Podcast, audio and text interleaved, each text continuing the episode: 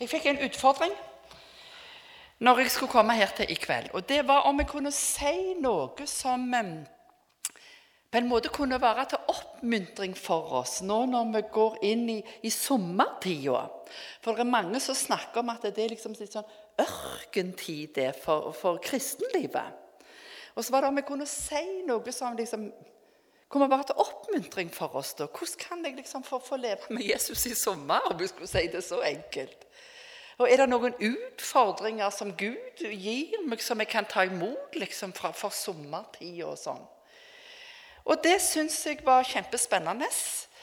Og så tenkte jeg at jeg ville ta fram noen ting som kunne være til hjelp og inspirasjon for oss. Og da skal jeg si noe om Guds trofasthet. For det er ingenting som inspirerer oss sånn som og, og, i vårt liv med Jesus når vi blir overvelda over av hvem han er, og hva han har gjort for oss, og hvordan han bryr seg om oss. Så det vil jeg si noe om i dag, om Guds trofasthet. Men vi skal be i sammen først.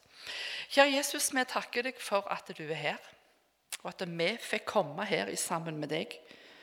Vi ber om at du ville tale til oss det som du hadde å si og minne oss om i ettermiddag. Vil du velsigne ordet ditt, og vil du velsigne oss. Amen.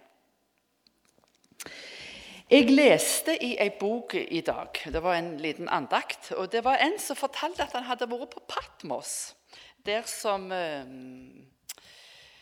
Johannes bodde de siste åra av livet sitt. Og Der fant han ut at eh, på Patmos det hadde i alle fall guiden som ledet denne turen, sagt til dem at der var det 365 kirker. Små eller store, eller kapeller. Og Det syntes han var utrolig. 365 kirker på den lille øya der det bare bodde 3500 innbyggere. Det er som en liten kommune i, i Norge. det. Og så 365 kirker. Så skriver han Jeg vet ikke hvor godt et speilbilde dette er av fromheten til dem som tror på Patmos, men det forteller i alle fall noe om at de ønsker å praktisere troen sin. Og det, det, det traff meg, liksom. Det forteller i alle fall at de har lyst til å praktisere liksom det at de tror på Gud, at de vil ha samfunn med Jesus. Og så har de bygd 365 kirker. Og så skriver han men likevel fikk jeg en dobbel leksjon fra de 365 gudshusene. For det viktigste hus for oss som vandrer gjennom tiden, er huset der vi møter Ham som gir oss evigheten. Det huset skal vi verdsette og bruke aktivt. Så var det liksom det som talte til han, at um, 365 gudshus, det er for et gudshus for hver en dag i året. det. Og så skriver han i mitt år er det 365 dager. Ingen av de dagene er jeg skapt for å klare meg uten å bøye kne for min frelser og snakke med ham. Derfor er det rett at hver dag i mitt liv skal ha sitt eget hellige rom. Hver dag skal ha en tid der jeg er ansikt til ansikt med Herren. Og det traff meg òg tenkte 365 dager i året. 365 muligheter for meg til å ha et møte med Gud. Og hva gjør jeg med det? Hva har jeg tenkt for denne sommeren, blant annet? Så leste jeg 5. Mosebok, kapittel 2, vers 7. Det er Gud som taler til folket sitt, og så sier han dere har vært i ørken før. Ikke bare noen korte sommermåneder, men han sier til Israel i 40 år har dere gått i ørkenen når jeg leder dere fra Egypten til det lovede land. Og så sier han i 5. Mosebok kapittel 2 vers 7. For Herren din Gud har velsigna deg i alt du har tatt deg føre. Han har omsorg for deg. Han, han har hatt omsorg for deg under ferda gjennom denne store øyemarka. I 40 år har Herren din Gud nå vært med deg. Du har ikke mangla noen ting. Så tenkte jeg wow. 40 år i ørkenen. Og så sier Gud til dem jeg hadde omsorg for deg alle disse åra. I 40 år har Herren din Gud vært med deg i ørkenen. Du har ikke mangla noen ting. Og så tenker jeg, så skal jeg stønne for noen måneder som kommer. Hæ? hva tenker jeg? Har jeg glemt hvem Gud er? Har jeg glemt hvem Gud er? Han er den samme. Han svikter ikke de, han sier det rett til dem. Dere mangler ingenting. Kanskje dere ikke hadde alt. Helt sikkert ikke. Men dere mangler i grunnen ingenting. Jeg var med deg, og det vil jeg òg være. Det ble en sånn en trøst for meg i dag òg. Og så var jeg på et møte for en tid tilbake. og Da var det ei unge jente som leste et eller holdt et vitnesbyrd. Og Da leste hun et vers fra Bibelen som mange av oss har hørt mange ganger. Og vi har hørt det lest på samme måten som hun leste det. Det er fra Jesajas kapittel 41, vers 10. Hun tok og satte inn i det verset mandag, tirsdag, onsdag, torsdag. altså sånn. Jeg hadde hørt det så mange ganger. Der og da ble det nytt for meg likevel. Jesajas 41,10.: Vær ikke redd på mandag, for jeg er med deg på tirsdag. Se deg ikke ottefull ikring på onsdag, for jeg er din Gud på torsdag. Jeg styrker deg på fredag, og jeg hjelper deg på lørdag, og jeg holder deg oppe med min rettferds høyre hånd på søndag. Hvis du vil ha det enda mer utfyllende, så kan du lese 'Vær ikke redd på mandag og tirsdag og onsdag og torsdag og fredag og lørdag og søndag'. For jeg er med deg på mandag og tirsdag og onsdag og torsdag og fredag og lørdag og søndag. Se deg ikke åttefull kring på mandag og tirsdag. Ja, ikke sant? Det blir mektig. Skal jeg frykte for noen måneder som kommer, at det skal bli tørketid i mitt liv? Når Jesus er min, og jeg er hans. Og Gud har øyet sitt festa på meg. Det skulle gi oss sånn liksom oppmuntring for de månedene som kommer, som vi gjerne frykter noe for. Men jeg har sagt mange ganger i vinter, eller i år, når jeg har reist rundt omkring Altså, Det nytter ikke hvor mye vann det er i Niagara Falls. Du kan tyste i hjel likevel hvis du står der sier det går ikke an, da er du helt på jordet. altså Du går ikke tyste i hjel når du står igjen med Niagara. Jo, hvis du ikke drikker. Kan det være så mye vann der er? Hvis du ikke drikker, kan du likevel tyste i hjel. Og Bibelen har så mye å si oss. Når jeg satt og, og leste disse versene og litt sånn forberedte meg for uh, nå i ettermiddag, så, så hadde jeg sett uh, Jeg har jo ikke fått med meg Grand Prix, vet du. For jeg har vært i Sokndal med Klepp forsamlingen på, på søndagsskoletur i helga. Har ikke fått med meg Grand Prix, vet du. Hadde lest i avisa at det gikk dårlig med Norge. og alt det der. Men så satt jeg og hadde akkurat skrudd av TV-en der og tenkte jeg, nå må jeg forberede meg her. Så sto den der knotten på og lyste. tenkte jeg, Der er en knott som står på. Hvorfor er det det? altså? Jeg kan jo skru av TV-en. Så gikk jeg bort og skulle skru av den òg. Standby, sto det på den. Standby. Den hadde jeg liksom ikke fått av der. Vi har en sånn standby-knott på, på TV-en vår. Og, og tenkte jeg Gud er sånn standby. Hele sommeren, hele livet. Han er alltid på, altså. Han, han skrur seg ikke av. Han er der. Han er der. Det vil han være for i sommer òg. Hva har du tenkt for sommeren? Jeg skal si noe om Guds trofasthet, og det er kjempeflott. Ikke de ordene jeg skal komme på, men det som står i Bibelen. For jeg har tenkt på det med trofasthet. Jeg leste i en avis at det sto at det var et forsømt begrep i dag. det, Sånn mennesker imellom, det med trofasthet. Og det tenkte jeg, det er sikkert helt sant. Det er ikke inn å snakke om at vi skal være trofaste. Enten det gjelder på arbeidsplassen, eller mot hverandre, mot venner, eller ikke engang blant ektefeller er det liksom 'Å, vi må være trofaste.' Sånn. Det er ikke inn, det. Bare les i avisa. Hvorfor skal vi være det? står det. Det kan være litt spennende med noe annet. Ikke inn med trofasthet.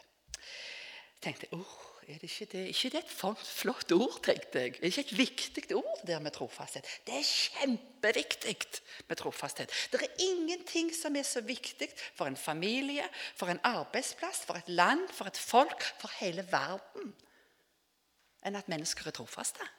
Hvis ikke, så ryker så mange ting. Så tenkte jeg hva står der i Bibelen om trofasthet? Det første jeg kom på, det står i Galaterbrevet, kapittel 5, vers 22. Der står det om åndens frukt. Vi tenker ofte hvis jeg skal bære frukt for Jesus, da skal jeg vinne mange for han. Da, da bærer jeg frukt. Men i Bibelen, i Galaterbrevet, står det at åndens frukt er kjærlighet, det er glede, det er fred, det er langmodighet, det er mildhet, og det er godhet, og det er trofasthet. Åndens frukt, liksom. Trofasthet er en åndens frukt. Jeg tenkte, oh, det var flott. Den har jeg lyst til å bære. liksom, ikke sant? Det er et tre som bærer trofasthet og glede og fred og kjærlighet. Og langmodighet og mildhet og godhet. Kjempeflott. Tenk hvis folk rundt meg kunne få ete det. Av dette treet, ikke sant? Og av alle trær, de som var kristne Hvis alle bar den, alle de der gode fruktene, var kjempeflott å leve. ikke sant? Og jeg skulle ete mye av det der. Både kjærlighet og glede og fred og langmodighet og mildhet og godhet og trofasthet. Trofasthet er en åndens frukt. Så leste jeg litt for en stund tilbake om hva, hva er det av trofasthet Hva står det for? Og så, folk som er trofaste, hvordan er de? Og Da sto det først de svikter ikke. De svikter ikke.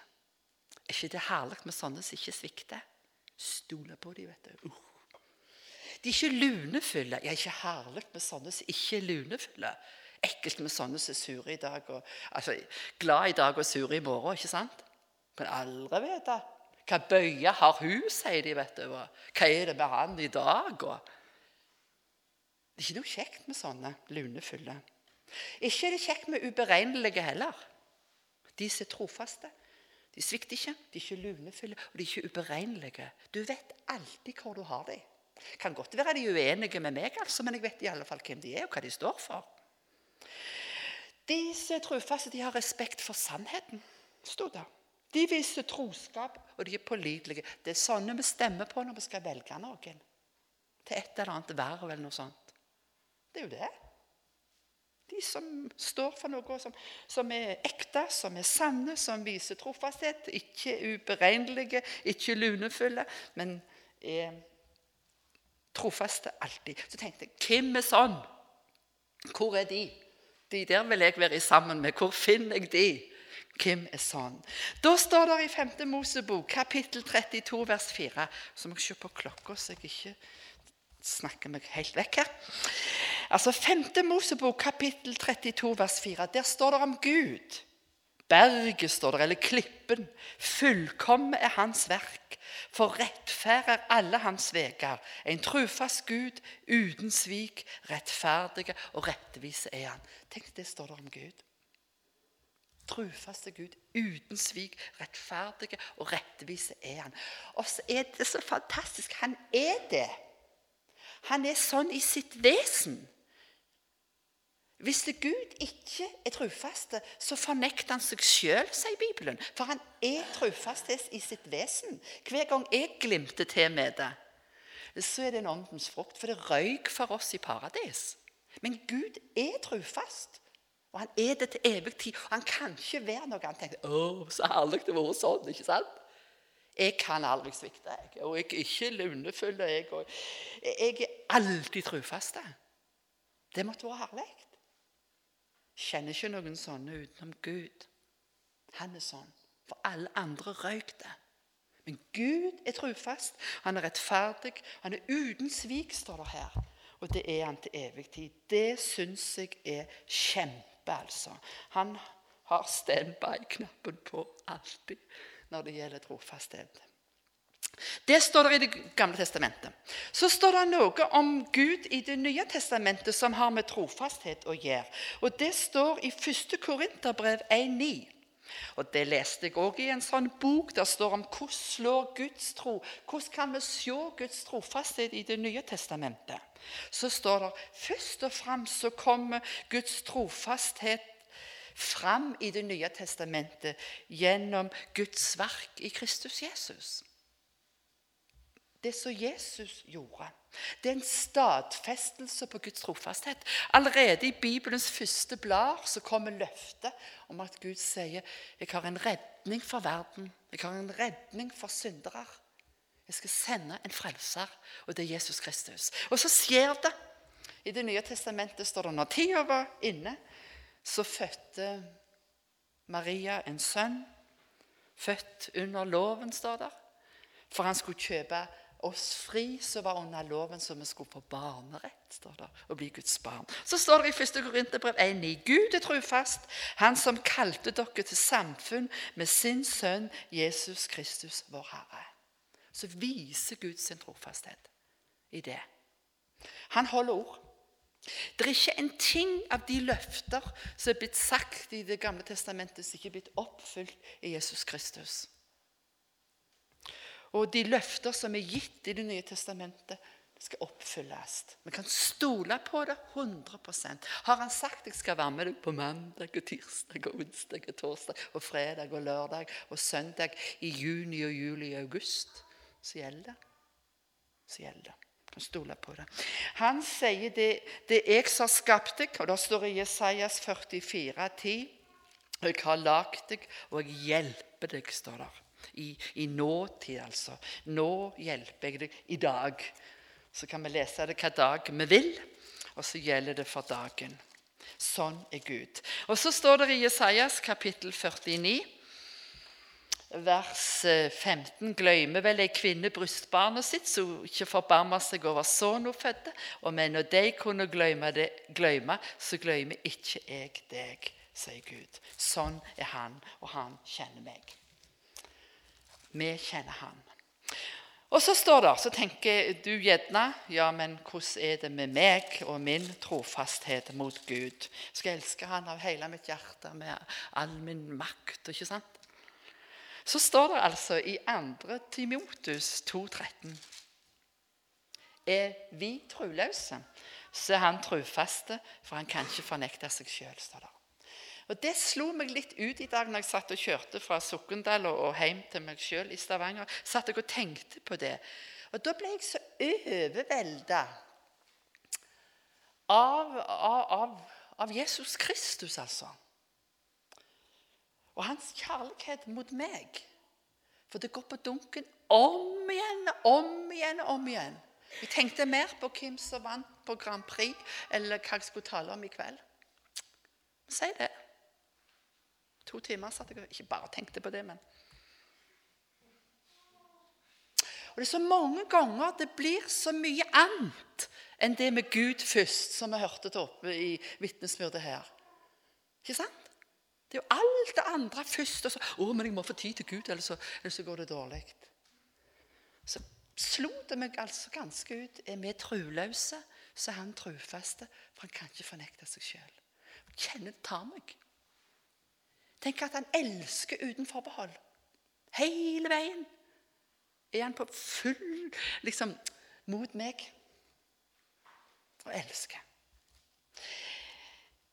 Og da kjenner jeg at jeg har lyst til å være trofast mot Han som har elska meg sånn.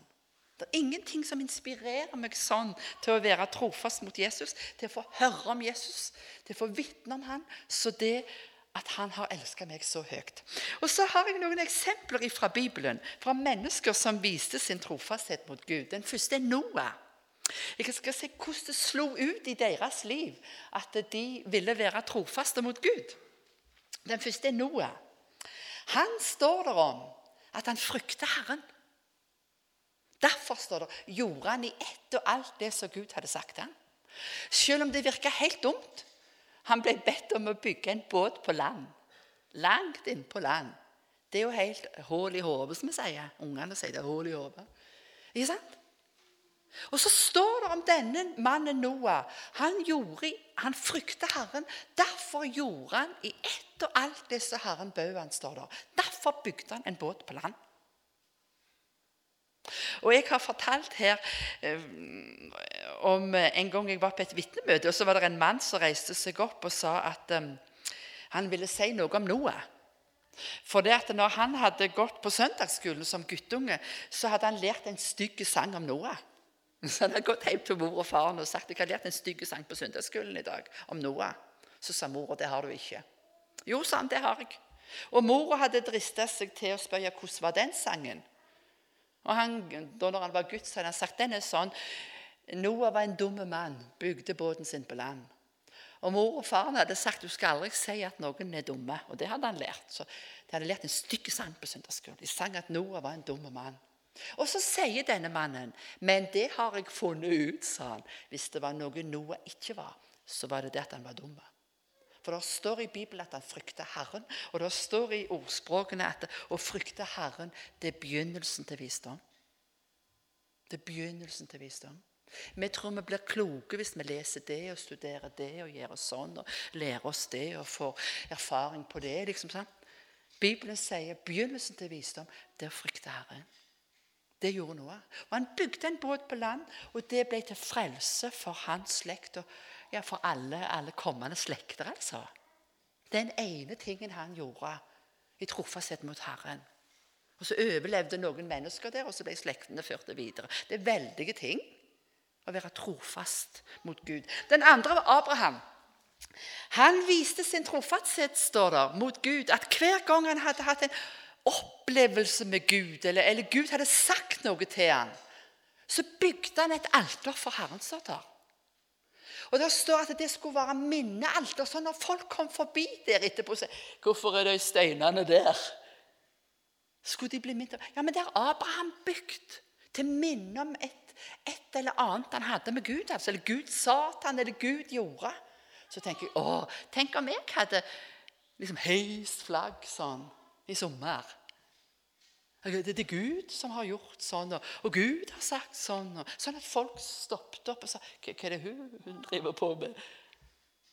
Hun bygger alter for Gud. Det gjorde Abraham. Viste sin trofasthet mot Gud, at han bygde alter for Herren. Og Den andre Josef, selv da brødrene sine havna i Egypten hos han Potifar. Og Det står at kona til Potifar kasta øynene sine på han, for han var en, en flott ung mann. står det, hun sa 'Kom og ligg med meg'. Og denne unge mannen som var liksom svikta av, av søsknene sine og Han stopper opp og så sier han, 'Hvordan skulle jeg gjøre?' sier han, 'slik en stor ondskap å synde mot Gud og mot Potifar, sjefen min, og ligge med deg', sa han. Så flykta han ifra det. Han ville vise sin trofasthet mot Gud. Så tenker jeg, åh, om vi kunne liksom tatt det inn over oss. Jeg vil vise min troskaphet mot Gud. Da det er ting jeg vil flykte fra. Og så den siste som jeg skal ta. Daniel i løvehylla. Kongen hadde sagt ingen andre skal tilbe noen gud. Bare meg, eller som bildet mitt. Og så visste de det, de som hadde fått kongen til å skrive dette her bud, påbudet. De, de visste det, at Daniel han gikk tre ganger for dagen inn på rommet sitt, åpna vinduet mot Jerusalem og bødde seg og tilba sin Gud.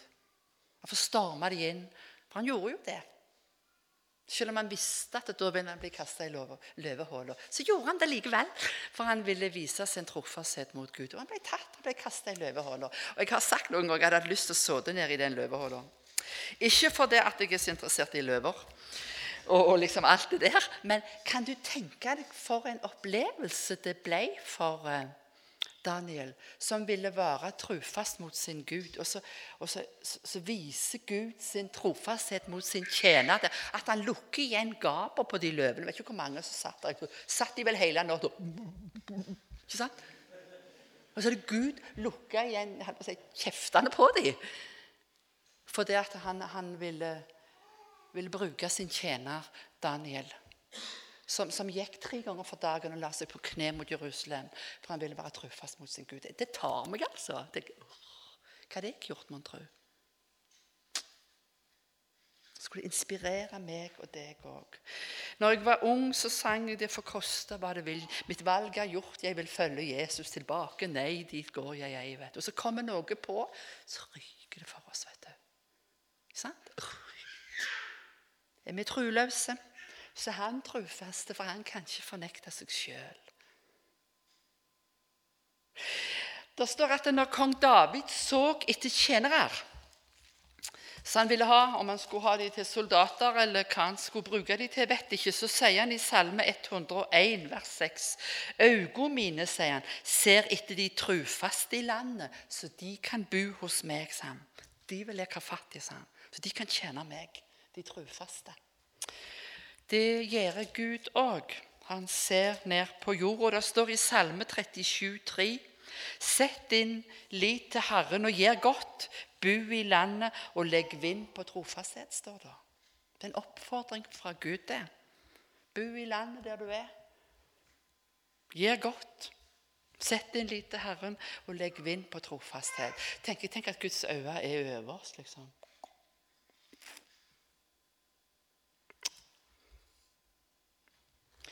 Jeg så Puls på TV her, tror det var i fjor.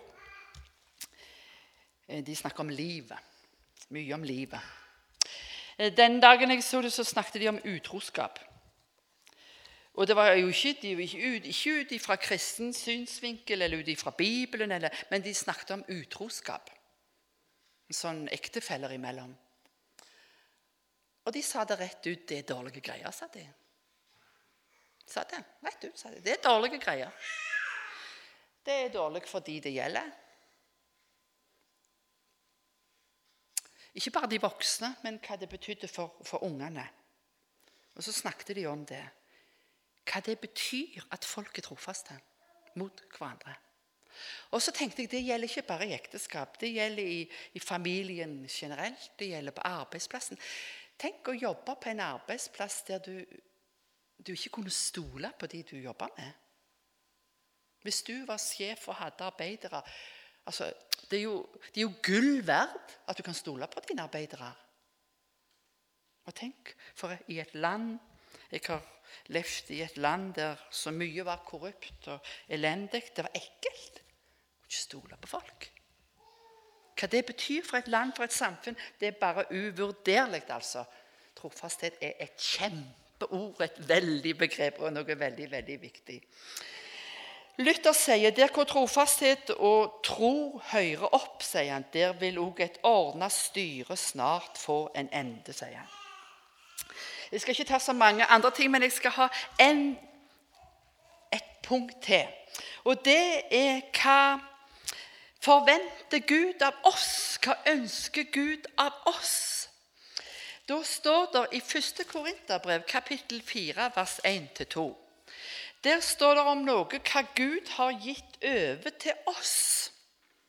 Jo, han har gitt oss ordet om Jesus. Han har gitt oss evangeliet. Og så står det i 1. Korinterbrev kapittel 4, vers 1 og 2. Så skal det da se på oss som Kristi tjenere og som husholdere over Guds hemmeligheter. Av husholderne kreves det at de er trufaste, står det. Gud har gitt noe til oss.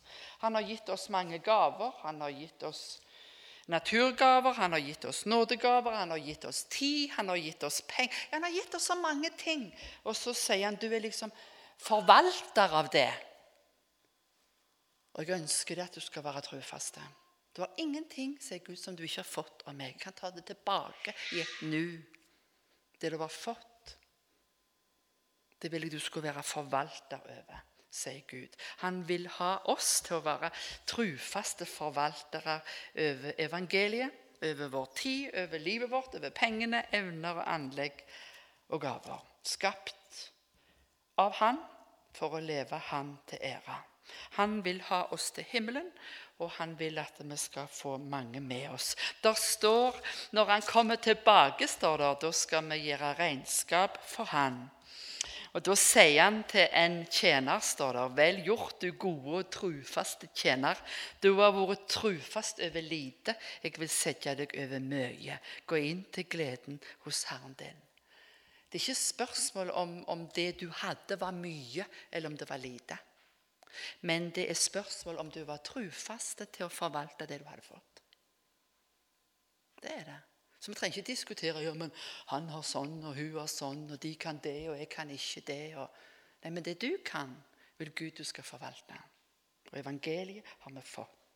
Så tenker jeg, hvordan kan jeg få bære denne gode frukta? Jo, det står i Bibelen du kan ikke gjøre noen ting uten meg, sier Jesus. Dere er som greinene på vintreet. Men uten meg, sier Jesus, kan ikke greinene bære frukt. Derfor inviterer han oss og sier, 'Kom og vær hos meg. Kom og drikk av det levende vannet.' Niagarafossen er der, altså. Og kjenner jeg blir tyst. Da kan jeg drikke, sier Jesus. Kom til meg og drikk. Og så inviterer han oss til det. Å være trufast er ikke bare å være trufaste mot noen tanker eller mot noen prinsipper, eller noe sånt, men å være trufaste mot en person, og den personen er Jesus Kristus.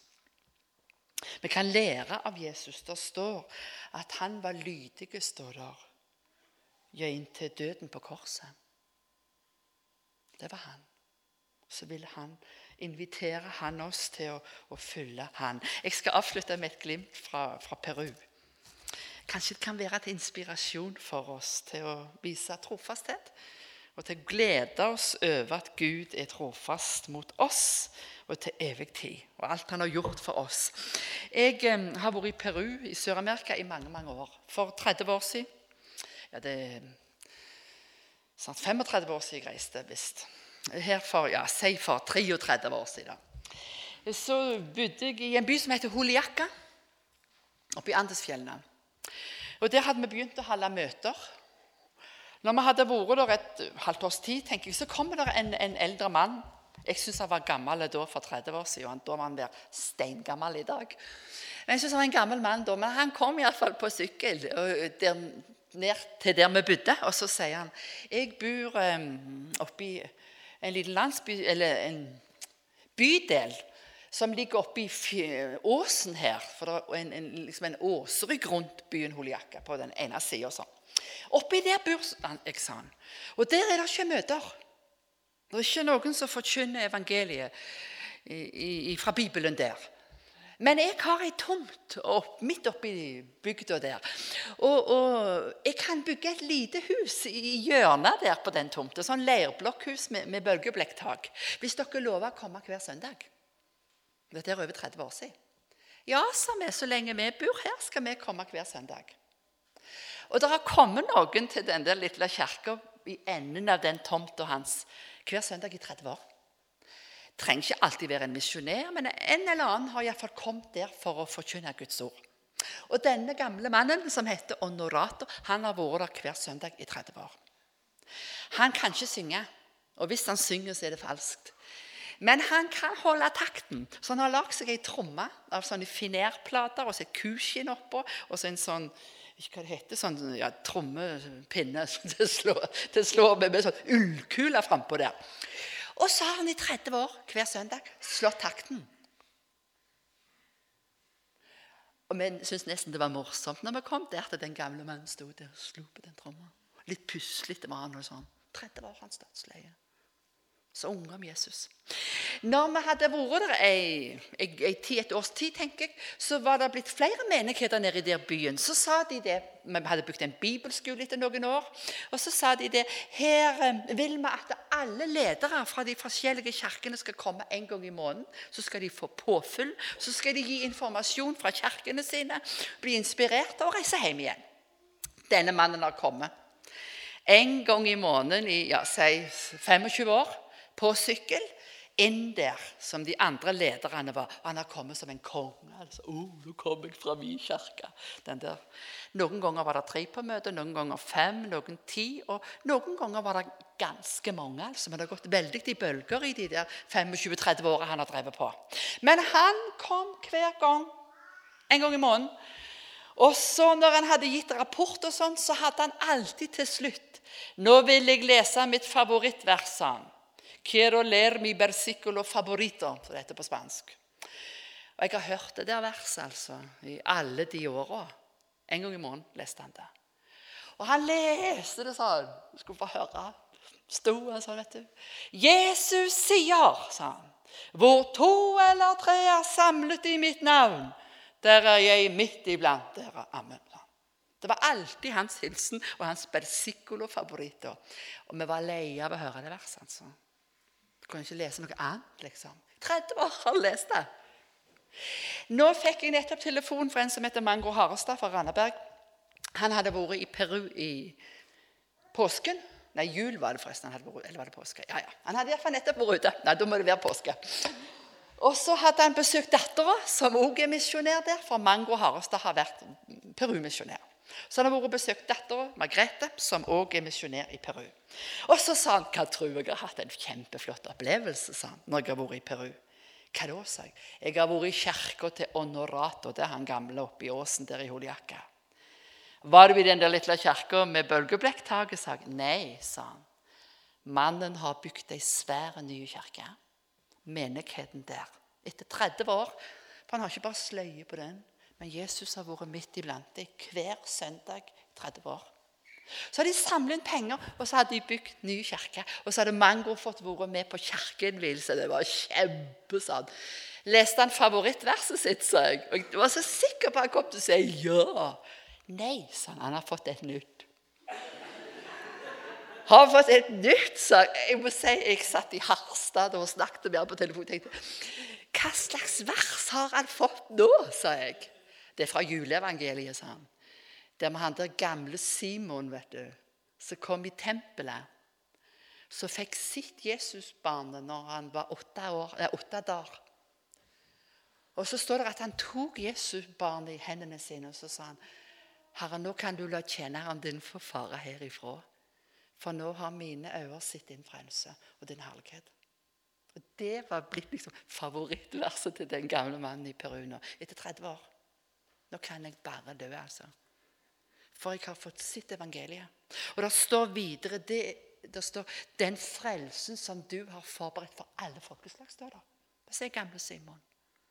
Og så tenkte jeg så flott at denne steingamle mannen som jeg syns da, har fått opplevd det. Til 30 år hadde han fått bygd ei kirke til ære for Jesus.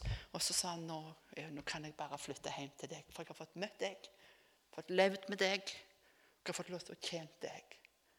Og så har jeg kirke, så nye mennesker får høre om deg. Jeg syns det er inspirerende. altså, tenker jeg, Om det kunne inspirere oss i sommer. Amen.